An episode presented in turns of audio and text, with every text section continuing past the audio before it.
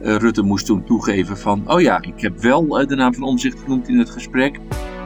Welkom bij de dertiende aflevering van de Public Affairs Academie podcast. De podcast waarin je wordt bijgepraat over de belangrijkste ontwikkelingen op het gebied van lobby, belangenbehartiging en public affairs. Het was een hele gekke week in Den Haag en daar gaan we over praten met politiek historicus Peter Bootsma. Hij schreef een proefschrift waarin hij formatieprocessen in Nederland en Duitsland heeft vergeleken. Ja, hoe moeten we de grote ophef van de afgelopen dagen nou zien binnen de Nederlandse traditie van het formeren? En zouden we niet het een en ander van de Duitsers kunnen leren? Je hoort het straks in ons gesprek met Peter Bootsma dus. Verder is Wilfred Scholte te gast. Hij schreef het boek Lodewijk, de val van een politiek talent over Lodewijk Asscher.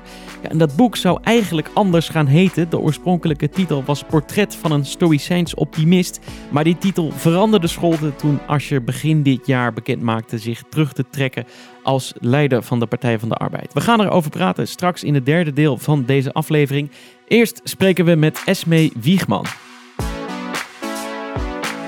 We beginnen elke podcast van de Public Affairs Academie met het doornemen van het nieuws, maar dan wel met de bril van de belangenbehartiger of iemand die in het maatschappelijk veld een belang verdedigt. Um, in de vorige aflevering spraken we met uh, Tim van der Hagen, de rector magnificus van de TU Delft. Uh, dat was een erg, uh, erg mooi gesprek, dus luister dat vooral ook even terug. Dat kan via www.pa-academie.nl slash podcast. vandaag is Esme Wiegman te gast. Van 2007 eh, tot 2012 zat ze namens de ChristenUnie in de Tweede Kamer. Ze was daar eh, woordvoerder volksgezondheid, welzijn en sport. Nu is ze werkzaam als de directeur van Valente, een organisatie die zich sterk maakt voor kwetsbare mensen in onze samenleving. En dan moet je denken aan dak- en thuisloze mensen, slachtoffers van huiselijk geweld en uh, mensen die, in, uh, die beschermd wonen. Uh, Esme Wiegman, welkom in de podcast van de Public Affairs Academie.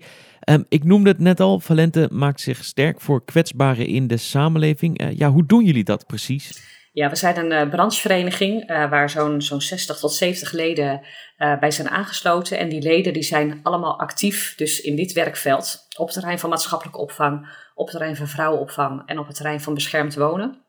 En we zeggen als branchevereniging, we willen echt een vereniging van voor door leden zijn. Want de kennis zit niet zozeer bij mij, bij mij als directeur of bij het landelijk bureau van Valente. Maar de kennis en de ervaring zit natuurlijk echt in de organisaties waar de mensen uh, begeleid worden en opgevangen worden. En we vinden het heel erg belangrijk om die kennis en die ervaring in te zetten, maar ook echt bij elkaar te brengen. Om daarmee uh, ja, gewoon een heel stevig geluid te laten horen richting overheden, richting andere branches en relevante organisaties. Maar ook door kennis en ervaring te delen, ook te werken binnen de organisaties aan kwaliteit en innovatie. Um, het idee van deze rubriek is dat we uh, door de ogen van de belangenbehartiger uh, of de belangenbehartigersorganisatie uh, naar het nieuws en naar de actualiteiten kijken. ja, neem ons eens mee, met wat voor blik hou jij nou het nieuws in de gaten? Nou, we volgen het nieuws natuurlijk heel specifiek op de thema's die onze doelgroepen raken. dat is wel een heel breed werkveld, want dan hebben we het over het sociale domein, maar we hebben het ook over de ontwikkelingen in de langdurige zorg, in de forensische zorg, uh, thema's als armoede, schulden, dus echt op het terrein van sociale zaken. Maar ook het thema huisvesting, volkshuisvesting, waarvoor we nog weer bij een ander ministerie moeten zijn, namelijk op dit moment bij uh, het ministerie voor Binnenlandse Zaken. Uh, dus het is wel een heel breed palet om, om in de gaten te houden. dus dat vraagt gewoon heel veel focus. en ook vraagt het ook heel veel inzet om te kijken van, is het ook mogelijk om domeinoverstijgend problemen aan te gaan pakken? En iets daarvan is wel zichtbaar geworden in de afgelopen jaren. Uh, daar we hebben gezegd, uh, het punt ook van de volkshuisvesting, dat vraagt inzet van binnenlandse zaken.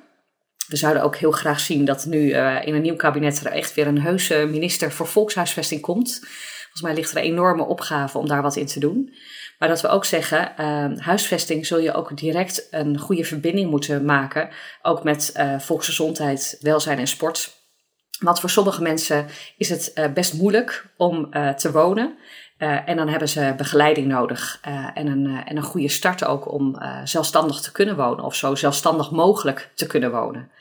Nou, dus dat soort verbindingen zijn ook heel erg belangrijk. En net zo goed als de inzet van sociale zaken. een van de, de punten waar we afgelopen jaren behoorlijk tegenaan zijn gelopen. Dat is het probleem van de kostendelersnorm. Ehm, dat is ingezet om ja, fraude te bestrijden. Ja, maar het hele nare neveneffect is dat een woning delen, dat dat steeds lastiger is geworden. Omdat dat gewoon financieel uh, voor sommige mensen echt een ramp is. Ja, en ik ben bang dat die kostendelersnorm ook echt heeft geleid tot de toename van eh, dak- en thuisloosheid. Wat eigenlijk een veel duurder vraagstuk is om met elkaar op te lossen. Ja, dit, dit raakt dus allemaal heel erg aan het thema uh, wonen en, en huisvesting. Uh, is dat wat jullie betreft dan ook het thema voor de formatie die, uh, die voor ons ligt? Ja, wat tot ons betreft is het echt een van de belangrijkste thema's van de formatie. Want we merken zowel in de maatschappelijke opvang, maar ook in beschermd wonen en de vrouwenopvang, dat het ontzettend lastig is voor mensen om uit te stromen, om weer ja, gewoon gehuisvest te worden en opnieuw ook weer een leven te gaan beginnen. Dus daar zal echt wat moeten gebeuren. Andere belangrijke thema's voor de formatie vinden we ook het thema armoede en schulden. Voor heel veel mensen is er echt gewoon een fundamenteel en structureel probleem op het terrein van bestaanszekerheid want dan heb je huisvesting, maar je zult echt ook voldoende inkomen moeten hebben om een huur te kunnen betalen. Dus daar zal het nodige moeten gebeuren, maar ook het nodige aan begeleiding voor mensen die al in de problemen zijn gekomen met schulden, om ze gewoon vroegtijdig te helpen. Uh, en een ander heel belangrijk thema, wat eigenlijk dwars door alles heen speelt, dat is ook wel het thema stigma. Heel veel mensen uh, met, ja, vanuit een kwetsbare achtergrond, die hebben gewoon te maken met een stigma waardoor ja, ze te maken hebben met situaties dat ze zich niet echt welkom voelen in een wijk. Ja, snel in een sociaal isolement terechtkomen. moeite hebben om een sociaal netwerk op te bouwen en te onderhouden. Ja, dat zijn ook hele belangrijke zaken. Uh, dat mensen ja, kunnen meedoen in de samenleving. Wij hadden uh, twee weken geleden in deze podcast uh, Rien Fraanje te gast van de Raad voor het Openbaar Bestuur. En een van de dingen die hij aangaf was van we moeten het tijdens de komende formatie gaan hebben over de problemen die zijn ontstaan um, met de decentralisaties in het sociale domein. Um, ik zag dat jij er ook uh, over getwitterd had, uh, want de Raad van State heeft daar vorige week een, een belangrijk advies over gepubliceerd. Even um, voor, de, voor de context, wat heeft die decentralisatie in het sociale domein betekend voor de organisaties waar jullie voor werken? Ja, dat heeft echt een enorme impact, waarbij we zeggen op zich hè, de, de bedoelingen van zorg dichtbij, dat mensen gewoon mee kunnen doen in hun eigen woonplaats, het liefst ook gewoon in hun eigen huis ja, de nodige begeleiding kunnen krijgen. Uh, nou, die beweging die juichen we heel hard toe. Maar we merken wel met onze doelgroepen uh, dat je heel goed zou moeten kijken ook naar de schaal van de zorg die je hebt te organiseren. Omdat je soms ook met zulke specifieke situaties te maken hebt. Op het moment dat je zegt, nou, alle gemeenten zijn ervoor verantwoordelijk. Ja, dat je op gemeenteniveau eigenlijk niet een goed aanbod kunt creëren voor deze zorgvragers. Um, ja, waardoor uh, je echt een plank mislaat. Dus uh, als ik alleen al denk aan de ontwikkelingen nu in beschermd wonen. Ja, we juichen heel erg toe. Uh, meer aan de voorkant zitten, preventie, begeleiding ontvangen, het thuis zijn in de wijk. maar ja, op het moment dat je het hebt over deze doelgroep en alle gemeenten hebben hier een verantwoordelijkheid voor. Je zult toch een aantal voorzieningen moeten treffen uh, waar je een bepaalde schaalgrootte voor nodig hebt. Uh, ja, en dat is dan toch wel heel erg lastig als alles zo is doorgedecentraliseerd. Ja, en wat zegt de Raad van State dan uh, in hun recente advies? zij bevelen aan: kom alsjeblieft niet met aanvullende decentralisaties of allerlei nieuwe speel, spelregels. maar als je in de toekomst aan de slag gaat, neem dan de gewenste resultaten. neem dat als uitgangspunt. En ga dan vervolgens kijken welke randvoorwaarden er in orde moeten zijn, waar het gaat om bestuurskracht, uitvoeringskracht en financiële middelen. Nou, en dan denk ik even met zo'n thema als doordecentralisatie van beschermd wonen. Uh, dan mis ik eigenlijk op al deze vlakken uh, ja, dat de seinen op groen staan. En lopen we nog te veel tegen hindernissen aan, hoe mooi de beweging ook bedoeld is. Namelijk mensen die gewoon ja, uh, in hun eigen woonplaats kunnen verblijven en uh, de nodige zorg en begeleiding kunnen ontvangen. En wat zou dan jouw uh, nou ja, boodschap zijn aan het nieuwe kabinet? Ja, luister heel goed naar deze belangrijke organen, zowel de Raad voor het Openbaar Bestuur als de Raad van State. En de concrete uh, suggesties die zij doen. De Raad voor het Openbaar Bestuur die zegt ook, ehm, op het moment dat je dat gemeentefonds gaat herverdelen, dan moet je wel heel erg goed aansluiten bij de ervaren kosten bij gemeenten. Ja, en ja, daar liggen gewoon knelpunten. Sociaal Werk Nederland bijvoorbeeld, die zegt er moet veel meer geld naar de gemeente toe. Als je gewoon ziet uh, welke opdracht zij gewoon hebben, voor welke taak zij staan. Ja, op het moment dat je allerlei zorgtaken bij gemeenten neerlegt, en dan zeker ook voor kwetsbare mensen, ja, dan zullen de, de financiële middelen gewoon toereikend moeten zijn. Ja, duidelijk. Uh, tot slot uh, dan, uh, we blikken in deze rubriek niet alleen terug op het nieuws, maar ook een beetje vooruit. Wat ga jij de komende weken nog volgen in het nieuws? Um, nou, wat ik deze week in, ieder geval verwacht, dat is dat er nieuwe cijfers bekend worden gemaakt door Centraal Bureau voor de Statistiek, waar het gaat om het aantal dak- en thuisloze mensen. Ik ben heel erg benieuwd wat daar gaande is. Tegelijk ben ik ook wel benieuwd van ja, zeggen die cijfers genoeg? Uh, want over het algemeen zijn de, de cijfers van het CBS uh, bij verschijning al behoorlijk verouderd. En ben ik heel erg benieuwd in hoeverre het coronajaar al uh, voldoende is meegenomen.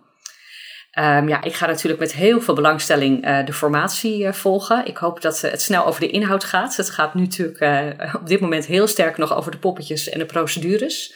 Maar wat mij betreft komt de inhoud heel snel op tafel. En een heel belangrijk aandachtspunt voor ons op dit moment is ook uh, wat gaat er deze maand gebeuren en wat gaat er volgende maand gebeuren als de tijdelijke opvang uh, voor uh, ongedocumenteerden gaat aflopen in de, in de maatschappelijke opvang? Uh, keren mensen weer massaal terug naar de straat? Of gaan deze mensen ook echt geholpen worden uh, terug naar werk? Denk even aan de arbeidsmigranten. Of gaan deze mensen geholpen worden om uh, op een goede manier te kunnen terugkeren naar hun thuisland? Ja, wat even voor de duidelijkheid. in verband met de coronacrisis is dus de, de maatschappelijke opvang voor meer mensen toegankelijk geworden. Ja, inderdaad. Dat hebben ze nu tijdelijk gedaan. Um, dat had echt te maken met, met de lockdown-maatregelen, de avondklok. Uh, op een gegeven moment hebben we natuurlijk een paar uh, maanden geleden ook uh, fikse winterkou gehad. in die situaties is de opvang altijd al voor iedereen om te voorkomen dat mensen op straat doodvriezen. Maar we hebben gezegd, ja, je moet niet alleen een winterkoude regeling hebben, maar zolang er sprake is van een lockdown en een avondklok, zul je die opvang open moeten stellen, ook voor mensen die daar normaal gesproken geen recht op hebben. En, en als organisatie, hoe gaan jullie op die ontwikkeling in proberen te spelen? Um, nou, we hebben zeer regelmatig uh, contact met het ministerie van VWS, maar ook met uh, uh, de Vereniging Nederlandse Gemeenten, om te spreken over de, de opvang in deze periode. Maar ik vind eigenlijk, zolang er een lockdown van kracht is en een avondklok, ja, dat je de opvang gewoon geopend zou hebben en houden. ook al is het op een gegeven moment 1 april en ook al is het op een gegeven moment 1 mei. Esme Wiegman, directeur van Vereniging Valente. Veel dank voor dit gesprek. Graag gedaan. Straks hoor je in de PA-update Wilfred Scholten over zijn boek Lodewijk, de val van een politiek talent. Maar eerst is het weer tijd voor onze serie verdiepende gesprekken over de formatie. Vorige week zijn we begonnen met Rien Fraanje, de secretaris-directeur van de Raad voor het Openbaar Bestuur. In deze aflevering is Peter Bootsma te gast. Hij is schrijver van een oeuvre aan boeken over de naoorlogse politieke geschiedenis en is onder andere de biograaf van Dries van Acht. In 2017 promoveerde hij op een proefschrift waarin hij kabinetsformaties in Nederland en Duitsland met elkaar vergeleek. Kortom, een kenner van formaties dus. En we spreken elkaar nu op de ochtend na het debat over wat is gaan heten de Omtzigt-affaire. Peter Bootsma, goed dat je er bent. Ja, hallo. Vannacht rond een uur of drie werd het duidelijk. Uh, de motie van wantrouwen die was ingediend tegen Rutte... werd uiteindelijk niet gesteund door zijn coalitiepartners CDA, D66 en ChristenUnie. Zij steunden uiteindelijk wel een motie van afkeuring... Uh, maar voor Rutte zelf uh, betekende dat in ieder geval niet. Hij had niet het gevoel dat hij daarvoor moest opstappen. Um, ja, Peter, voor jou als politiek historicus, was het dan ook echt eh, een enerverende dag? Was het smullen voor jou? Ja, absoluut. Ik ben daar natuurlijk ook helemaal voor wakker eh, gebleven vannacht. Uh, inclusief allerlei schorsingen. En dan ga je ook even wel wat, anders doen natuurlijk. Maar zeker toen uh, die finale zich afgelopen nacht ontspon, zat ik op het puntje van de bank hier. Ja, neem ons eens mee. Welke emoties heb je gevoeld? Welke kant dacht je dat het opging? Nou, het is heel spannend, want Wilders begon al meteen, uh, uh, smiddags toen het debat begon, met een motie van wantrouwen. Uh, nou, Wilders is natuurlijk een rasparlementariër, dus die weet precies dat hij Rutte nu op een, nou ja, op een zwak moment kon treffen. Nou, dat ontspon zich allemaal. Rutte moest toen toegeven van, oh ja, ik heb wel de naam van Omzicht genoemd in het gesprek. En toen dat was eigenlijk het raarste moment in het debat op een vraag van Baudet. begon hij eigenlijk totaal zonder dat het nodig was uit te leggen dat hij gisterochtend om half acht gebeld was via via en wou ook niet zeggen wie. dat vond ik een heel raar moment, want dat had hij volgens mij helemaal niet hoeven te zeggen. Als hij het niet gezegd had, dan had niemand er verder ook iets achter gezocht. Had gewoon kunnen zeggen van, nou, ik ben ook tussen 9 en 10 er nog even doorgegaan door mijn verslag en ik vond het ook allemaal prima. Dus dat vond ik een heel opvallend moment, dat hij zich eigenlijk zo onnodig overmoedig bijna toonde. Ja, want het kwam erop neer. Hij, hij gaf eigenlijk toe, dat was een soort slip of the tong, dat hij al eerder de documenten van de verkenners had ingezien. Of dat hij wist wat, daar, wat daarin stond. Ja, nou, hij was gebeld, eh, kennelijk om half acht ochtends, door iemand die zei: Ja, uh, het kan zijn dat er toch in staat dat je de naam Omzicht genoemd hebt. en we hebben er natuurlijk na de affaire Omzicht nu weer een mysterie bij, namelijk wie was degene die Rutte daarover gebeld heeft of ge-sms'd of wat dan ook gisterochtend vroeg. Dat uh, is iets waar nu de hele vaderlandse pers uh, zich weer op kan gaan storten. Ja. Het is never a dull moment, uh, informatietijd, wat dat betreft. Nee, dat kun je wel zeggen. Um, nou ja, het, het, debat duurde de hele dag en ook de hele nacht. Uiteindelijk kwam het er nu natuurlijk op aan. Wat gaan vooral D66 en CDA doen met die motie van wantrouwen? En de conclusie was, nou, die hebben ze niet gesteund. Ze kwamen met een eigen motie van. Uh, of nee, sorry, ze hebben de, de motie van. Nee, de motie van wantrouwen hebben ze niet gesteund. Maar de motie van afkeuring. Ja, je zei het goed. Ja. Uh, de motie van afkeuring hebben ze zelf ingebracht. En die, uh, die kreeg ook brede steun van de Kamer. Maar waarom hebben ze toch die, nou ja, die genadeklap uiteindelijk niet uitgedeeld? Nou, als ze dat gedaan hadden, dan was er dus een motie van wantrouwen tegen Rutte als minister-president aangenomen. Wat al heel raar was, want hij zat er gisteren eigenlijk eh, alleen als fractievoorzitter. Maar goed, dat heb je in een formatie dat dat allemaal door elkaar uh, gaat lopen. Uh, en ja, als tegen een minister een motie van wantrouwen door de Kamer wordt aangenomen, dan is het toch wel een redelijk vast gebruik. Er zijn ook wel weer uitzonderingen op geweest in de parlementaire geschiedenis, maar dat hij gewoon meteen weg moet. En dan hadden we dus uh, uh, afgelopen nacht Rutte zien vertrekken uit het torentje. Um, dat is wel heel uh, bijzonder om dat juist in zo'n coronacrisis ook te doen. ik zag daar ook wel speculaties over van dan zou eventueel Hoekstra nog tussentijds minister-president worden voor de rest van de formatie. En daarna eventueel weer een VVD'er, omdat dat de grootste partij is en dus de premier mag leveren als de VVD weer in de coalitie komt.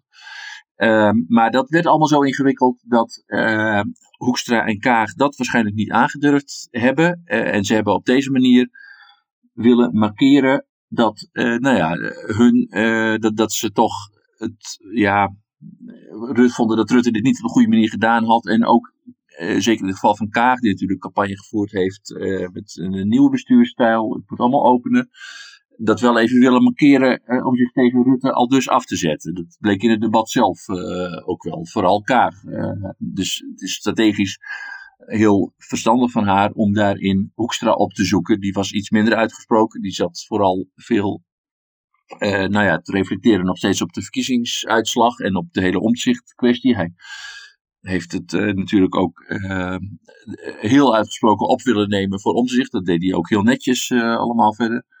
Dus ja, uh, Rutte's pech is misschien geweest dan dat Kaag en Hoekstra uh, elkaar gevonden hebben gisteravond. Ja, toen kwam er dus die motie van uh, afkeuring. Uh, als we kijken naar die motie, die dus breed is aangenomen, wat doet dat met de positie van Rutte?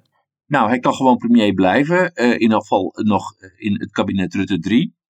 En de komende weken, eerst iedereen maar even paas vieren, maar vanaf dinsdag uh, als er een nieuwe informateur is, want we krijgen niet weer een nieuwe verkenner. De Kamer wil nu een informateur.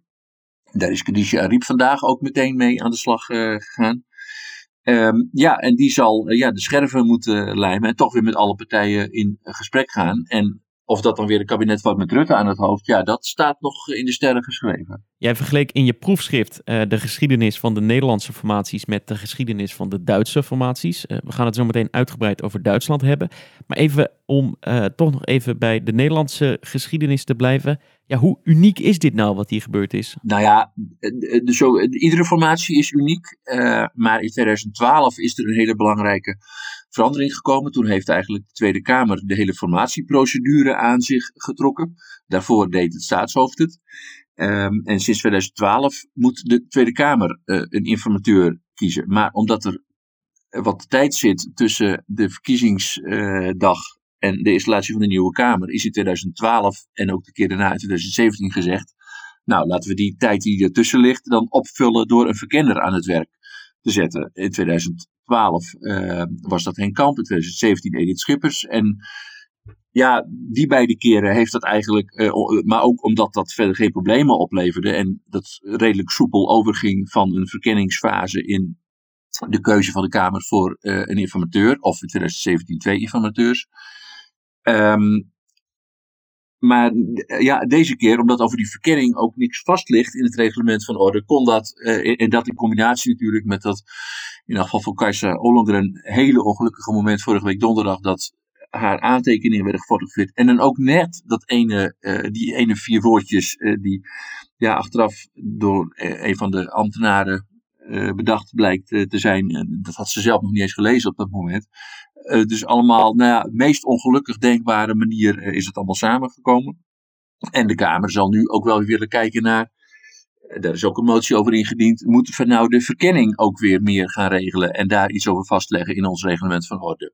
Dus ja, zo kun je steeds bezig blijven, omdat iedere formatie, ehm, ja, alleen al in de procedure weer vragen oproept, die je dan weer kunt proberen te repareren door daar in het reglement van orde iets in op te nemen. Maar ja, wat gisteren ook gezegd werd, we moeten nu uh, een, een, informateur hebben die wat meer afstand. En misschien moet volgende keer een verkenner ook eigenlijk wel zijn, iemand met meer afstand. Ja, je kunt toch ook moeilijk in het reglement van orde opnemen dat een verkenner, dat dat niet een Kamerlid of een minister mag zijn. Want misschien komt er ooit wel een Kamerlid of een minister die dat toevallig wel uh, goed kan. Dus uh, aan alle kanten blijkt dat de, de reglements van ordewijziging in 2012 nou ja, niet in één klap uh, volwassen geworden is, uh, zo gezegd. Gisteravond zat uh, voormalig D66-leider Alexander Pechtold bij de vooravond op NPO 1. En die verdedigde Rutte een beetje. Die zei, ja, als ze nu kijken, als ze nu vanuit het buitenland naar Nederland kijken, dan denken ze, ja, waar zijn ze mee bezig? Er lekt één notitie uit met de tekst positie, omzicht, functie elders. En de hele boel staat een week lang op, op zijn kop. Uh, ja, hoe komt het nou uh, dat, dat in Nederland die formatie altijd met zoveel mysterie omgeven is? En dat de paniek dus echt uitbreekt op het moment dat er ja, iets uitlekt nou, dat, uh, van die formatie? Ja, nou dat is toch omdat dat historisch zo gegroeid is. Ehm, om het te beperken tot na oorlogse periode, nou ja, dan had je altijd wel speculaties over wie, of niet altijd, niet iedere formatie. Soms was ook meteen duidelijk wat coalitie er ging komen, maar altijd gespeculeerd over wie zou de koningin nu als informateur gaan benoemen. Er zijn wel formaties geweest, eh, bijvoorbeeld in 1994 en ook wel in 2010, eh, dat het echt heel spannend was. Dat de adviezen die de fractievoorzitters aan het staatshoofd uitbrachten ook uiteenliepen. En dat je allerlei speculaties kreeg. Eh, in 1994 is het woord staatsgreep er zelfs wel eens uh, bij gevallen.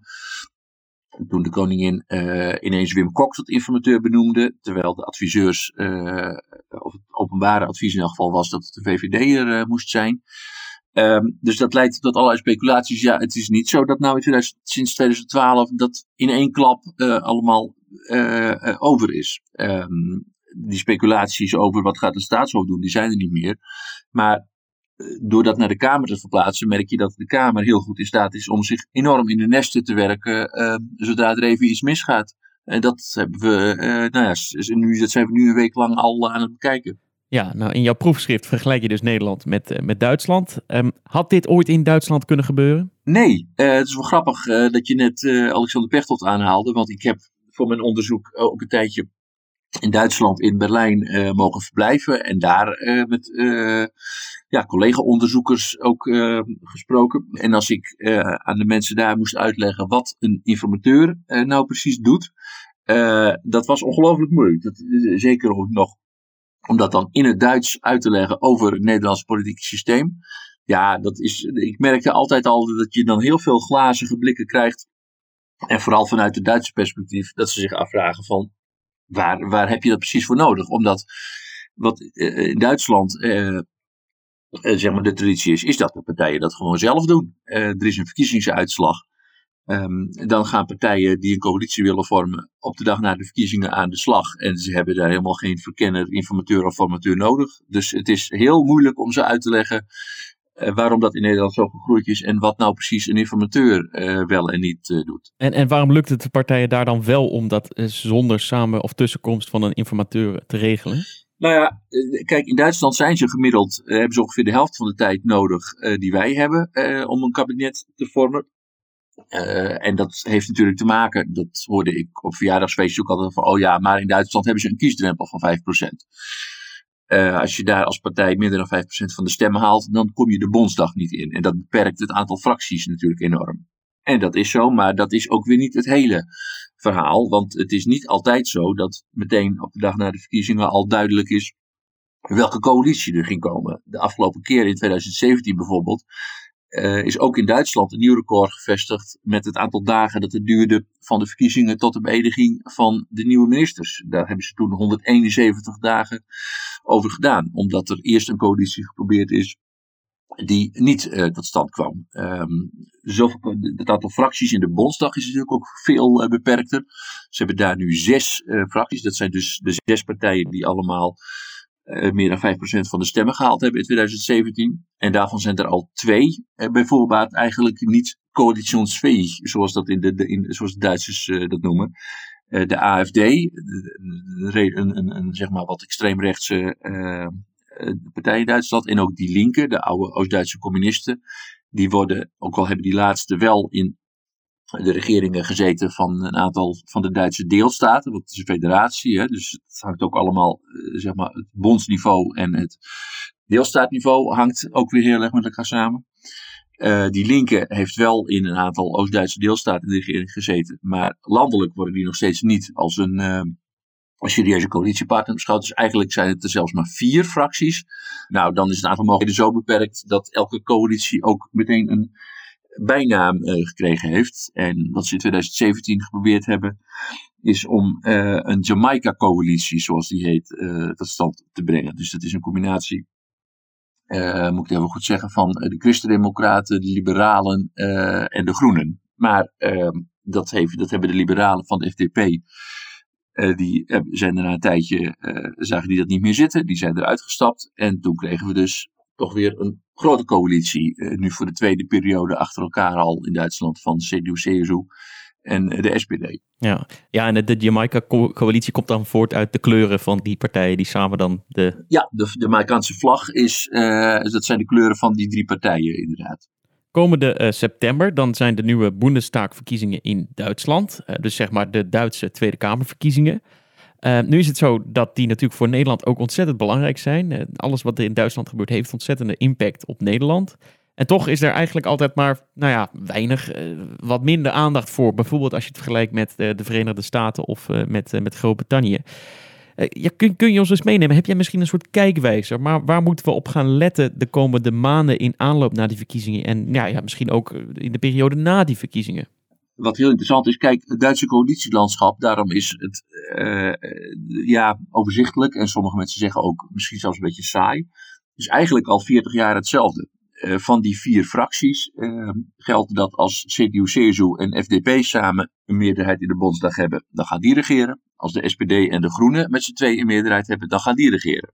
Eigenlijk is dat in één zinnetje de, het coalitielandschap van Duitsland van de afgelopen 40 jaar. En als die twee uh, als geen van die twee blokken een meerderheid haalt, dat kan ook nog, nu, omdat er nu twee andere partijen bij zijn gekomen, die nog niet als, als uh, gezien worden. Als geen van die twee blokken een meerderheid haalt, ja, dan krijg je een grote coalitie. CDU, CSU en SPD, die er dus nu ook zit, al acht jaar overigens.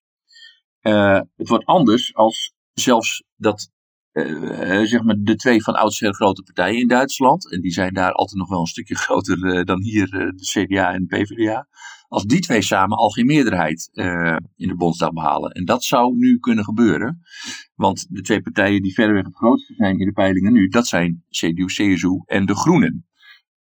en de Groenen, die hebben dus tot nu toe alleen nog maar landelijk in coalities gezeten met de SPD. En je zou nu voor het eerst een situatie kunnen krijgen waarin CDU, CSU en de Groenen samen een coalitie gaan vormen. Dat zou heel bijzonder zijn, want daarmee is het coalitielandschap in Duitsland voor het eerst in 40 jaar echt veranderd. Ja, en even vertaald naar de Nederlandse situatie. Dat zou betekenen dat het CDA met zijn grote boerenachterban gaat samenwerken met uh, GroenLinks. die natuurlijk, nou ja, wat dat betreft vrij ver van elkaar afstaan. Ja, en dan moet je nog weten dat in Duitsland die onderhandelingen, ze hebben er geen, geen informateurs of zo bij nodig. Maar wel, het is wel allemaal verdergaand geïnstitutionaliseerd. In die beide partijen gaan echt nou, honderden mensen aan de slag om allemaal uh, onderhandelingsgroepen te vormen. Ook weer subgroepjes, uh, kleine uh, coalitions, grote, dat eindeloze aantal groepen. Um, en de bedoeling is dat, ze, dat, zeg maar, de subgroepjes dan weer rapporteren aan de hoofdgroepjes. En de hoofdgroepjes uiteindelijk weer aan de onderhandelaars. Dan komt er een heel dik coalitieakkoord uit de bus. En dan hebben ze een coalitie. Dus op zich de, de, het eindresultaat is niet zo veel anders uh, daar als bij ons. Ja, dus uh, de illusie dat uh, het zonder formateur of informateur allemaal wat, wat minder bureaucratie oplevert, dat is in ieder geval, dat klopt in ieder geval niet. nee, daar kunnen ze in Duitsland ook wat van. Wat ik zeg, want dat is allemaal, ook door, omdat het federaal stelsel is, worden ook politici uit alle deelstaten daar onmiddellijk bij betrokken. Uh, en dan weer per, eh, per partij uh, georganiseerd natuurlijk. Dus dat is allemaal. Uh, dat speelt zich allemaal redelijk achter gesloten deuren af. Er lekt ook wel eens iets uit, maar nooit zo heftig als we dat nu in Nederland gezien hebben. Ja, we gaan dus eerst onze eigen formatie maar eens in de gaten houden. Peter Bootsma, politiek historicus en kenner van de formatieprocessen in Nederland en in Duitsland dus. Veel dank voor deze mooie verdiepende reflectie op de ontwikkelingen van de afgelopen dagen. Graag gedaan. Twee weken geleden spraken we in deze podcast met Jan de Vries, voorzitter van CNV Connectief. We hadden het toen over de workshop die hij voor de Public Affairs Academie gaat geven in de reeks Polderen, Onderhandelen of Samenwerken. Nou, als je snel bent, dan kan je nog naar die workshop met Jan de Vries toe. Die vindt namelijk plaats op dinsdagmiddag 6 april. Uh, maar er zijn ook nog andere workshops in deze reeks. Bijvoorbeeld met Fleur Ravensbergen. Zij geeft een workshop over haar ervaring met uh, onderhandelen in conflict situaties. Uh, ze werkte onder andere als onderhandelaar in Irak, Libië en Congo. Dus dat is uh, erg interessant. En ook staat de workshop met Robin Bremenkamp nog op het programma. Hij is adviseur op het gebied van samenwerken en schreef onder andere het boek Eerste Hulp bij Samenwerken. Wil je erbij zijn? Kijk dan op onze website www.pa-academie.nl/agenda. De afgelopen vier jaar volgde journalist en schrijver Wilfred Scholte het leven van Lodewijk Asscher, die in deze periode zijn best deed om op te krabbelen naar de vernietigende verkiezingsnederlaag van de PvdA in 2017. Uh, begin dit jaar was het boek van Scholte over Asscher af en toen verscheen er ineens op 14 januari een filmpje op Facebook en op Twitter waarin Lodewijk Asscher zijn vertrek als lijsttrekker bekend maakte. De reden was natuurlijk zijn betrokkenheid bij de kinderopvangtoeslagaffaire in zijn rol als minister van Sociale Zaken in het kabinet Rutte 2. Uh, eh, de oorspronkelijke ondertitel van het boek van Scholten was Portret van een Stoïcijns optimist. En die moest hij veranderen naar De val van een politiek talent. Wilfred Scholten, leuk dat je in onze podcast over jouw boek wil vertellen. Nou, leuk om te zijn, uh, Daan. Dank je. Lilianne Ploemen verving Asscher uiteindelijk als lijsttrekker van de PvdA. Uh, maar zoals we weten heeft ook zij de partij niet electoraal uit het slop kunnen trekken. Heeft u nou sinds de Tweede Kamerverkiezingen nog uh, contact gehad met Lodewijk Asscher? Nee, want ik heb hem vlak voor tijd uh, voor de verkiezingen nog een appje gestuurd. Toen zei ik van hoe beleef je nu de campagne? En, nou, nou, wat er allemaal gebeurt. En toen zei hij nou, ik, ik, ik volg het maar niet zoveel, want dat frustreert mij alleen maar. En we hebben afgesproken om na de verkiezingen eens een keertje rustig een kopje koffie te, te drinken en nog eens terug te kijken. Maar hij had ook, ook om die reden, omdat het, uh, dat hem allemaal toch wel veel deed, die campagne zonder hem. En het boek had hij ook nog niet gelezen. Dus in die zin uh, heb ik hem ook niet meer lastig willen vallen. Net na, ja, eigenlijk, het is geen nederlaag, maar het is ook geen winst. 9-9 zetels, ja, dat is toch eigenlijk uh, beneden alle pijl wat, het, wat de PvdA had verwacht. Dus ja, dat, dat heb ik maar even laten rusten. Ja, dus het klinkt in ieder geval alsof het nog heel erg pijnlijk is voor uh, Lodewijk Asscher zelf. Nou ja, het is natuurlijk heel pijnlijk voor me geweest. Ik bedoel, ik heb hem drieënhalf jaar gevolgd. Uh, vanaf het eerste moment uh, had hij eigenlijk, was hij vol vuur zo van, nou, ik ga de partijen er weer bovenop helpen. Hij heeft een reclameman, Mark Oosterhout, eh, ingehuurd uh, om die zekerheidscampagne van bestaanszekerheid als basis van de Partij van de Arbeid, als basis van de communicatiestrategie, om die vorm te geven. Hij was vol vuur. Hij deed van alles en nog wat de afgelopen jaren. Ik heb hem gevolgd erin. En ja, en dan vlak voor tijd, één dag voor het congres, gaat het mis. Uh, trekt hij zelf de stekker eruit van ja, ik doe het toch maar niet gezien de oppositie binnen mijn partij vanwege de toeslagenaffaire. Ja, het is natuurlijk ook een drama. En ook voor mij als schrijver, moet ik erbij zeggen. Uh, ik was het tweede slachtoffer. Want ja, ik had natuurlijk verwacht om een boek te schrijven van een van de uitdagers van um, Mark Rutte. Hij werd ook door de NRC bij de laatste algemene beschouwingen omschreven als iemand die als enige eigenlijk gewaagd was aan Rutte. En dan gaat het opeens niet door. Dus voor hem is het een teleurstelling. Maar voor mij als uh, schrijver natuurlijk ook. Ja, daar kan ik me iets bij voorstellen. Dat het voor jou ook een, een klap moet zijn uh, geweest. Um, je noemde net al het PvdA-congres. Um, een dag daarvoor zei Asscher nou ja, ik stop ermee. Ik, ik trek me terug als, als lijsttrekker. Um, op dat congres zou ook een motie besproken gaan worden waarin werd gepleit voor nou ja, het terugtreden van Asscher. Um, die, die motie had al van de leden een derde aan steun gekregen. Uh, leden die dan vooraf online uh, konden stemmen. Is nou die ontbrekende steun in zijn partij, of in ieder geval de schijn daarvan, is dat nou uiteindelijk de reden geweest dat hij, uh, dat hij is teruggetreden? Nou ja, het was natuurlijk, toen had hij echt het idee van, ik kan niet verder, dit, dit blijft mij achtervolgen, deze toeslagenaffaire. hij was daarvoor, had hij in trouw een interview gegeven van, ja, ik, mea culpa, ik heb, ik, heb het heel, ik heb fouten gemaakt. Ik had het niet zo moeten doen. Ik had meer beter moeten opletten, maar ik ga het allemaal goed maken. En ik ben eigenlijk de enige die, dit goed kan maken door de verzorgingsstaat hè, weer op te bouwen zoals het moet. En, en ja, dat was een beetje uh, hoog spel wat hij speelde natuurlijk. Toen kwam hij een keer bij, um, bij uh, op 1, uh, eh, nee bij M was dat. Hij kwam bij, bij M in, in het programma en toen werd er gezegd waarvoor zit u er eigenlijk nog? Ja, en toen besefte hij, dat heb ik ook wel van anderen gehoord in zijn omgeving, toen besefte hij, dit wordt mij steeds aan, aan, aan het schenen gelegd. Van waarom zit u er nog? En daar kan ik gewoon niet tegen. Dat wordt de hele campagne, wordt dat, uh, wordt het, dat mantra. Dus ik moet, uh, ja, ik, ik kan het niet volhouden op die manier. En zo interpreteerde hij natuurlijk ook die motie tegen hem. Toen hoorde hij van het partijbestuur dat een derde van de leden had die motie tegen hem gesteund. En toen dacht ja, ik kan, ik kan gewoon niet verder. En dat, dat begrijp ik ook wel dan. Het was natuurlijk ook uh, iets, iets, ja, een, een uh, kwetsbare groep mensen die het slachtoffer werd van, van regeringsbeleid door een minister die sociaal-democratisch is. Dat was ook bijna niet te rijmen. Ja, en dan, en dan is het interessante natuurlijk dat het er tijdens de verkiezingscampagne eigenlijk ja, bijna niet over is gegaan.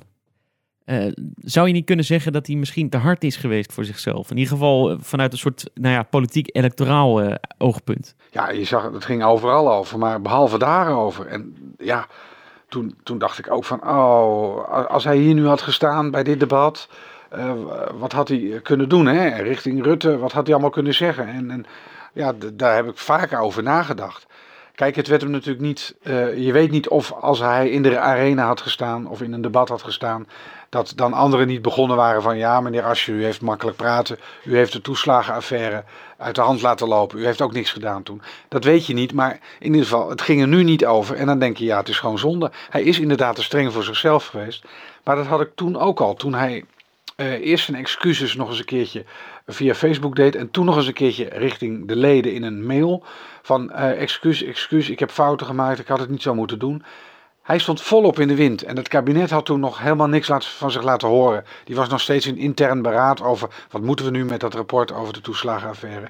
En hij had al twee keer excuses gemaakt. Ja, en toen dacht bijna de opinie, uh, de opiniepeilingen bleek het ook. Toen dacht bijna heel Nederland, oh hij zal wel de hoofdschuldige zijn geweest. Terwijl dat in feite helemaal niet het geval was. Want Rutte uh, en, en Hoekstra, verantwoordelijk voor de Belastingdienst, die waren minstens zo schuldig. Dus ja, in, in die zin is, is dat ook een beetje de ironie of het cynisme die je, dat je kan zeggen. Had hij wel uh, moeten aftreden? Had hij niet gewoon moeten blijven zitten en dan maar even moeten doorbijten? Maar ja, niemand die het, uh, die het antwoord daarop ooit zal, uh, zal weten natuurlijk. Ja, maar waarom was hij zo hard voor zichzelf? Omdat hij wel, um, nou, in die zin was hij wel zo'n sociaal-democraat die, die, die de rechtvaardigheid wel als, als, een, als zijn levensmotto had. Van, uh, bij alles had hij wel zoiets van. Uh, uh, de ongelijkheid in de samenleving is niet goed. wat alle, alles wat ik wil heeft te maken met rechtvaardigheid. Hij was een jurist. Zijn vader was jurist. Die, de vader was een, echt een rolmodel voor hem. En die had ook echt iets van: je moet, een jurist moet zorgen voor een rechtsstaat die functioneert, die het goed doet. Nou ja, in het rapport voor toeslagenaffaire bleek al dat de rechtsstaat uh, ja, was eigenlijk aangetast door die hele affaire. En dat zal hem ook wel heel dwars hebben gezeten. Uh, afgezien van het feit dat die kwetsbare mensen natuurlijk werden, getroffen. Dus hij, hij, was wel, hij was inderdaad hard voor zichzelf. Maar ja, dat kwam door zijn hele instelling in de, in de politiek. Uh, nu gaat het in het boek ook veel over de periode van Lodewijk Asscher in Amsterdam, waar hij met de Partij van de Arbeid de verkiezingen won en hij werd op zijn 31ste uh, al wethouder. Kortom, hij was een groot politiek talent. zo werd hij ook aangekondigd. Zo werd hij uiteindelijk ook naar Den Haag gehaald natuurlijk. Waarom was nou die periode in Amsterdam zo belangrijk voor het leven van Lodewijk Asscher? Ja, in Amsterdam heeft hij natuurlijk uh, het vak als van politicus geleerd en van bestuurder ook, want dat, uh, als wethouder was hij best wel succesvol.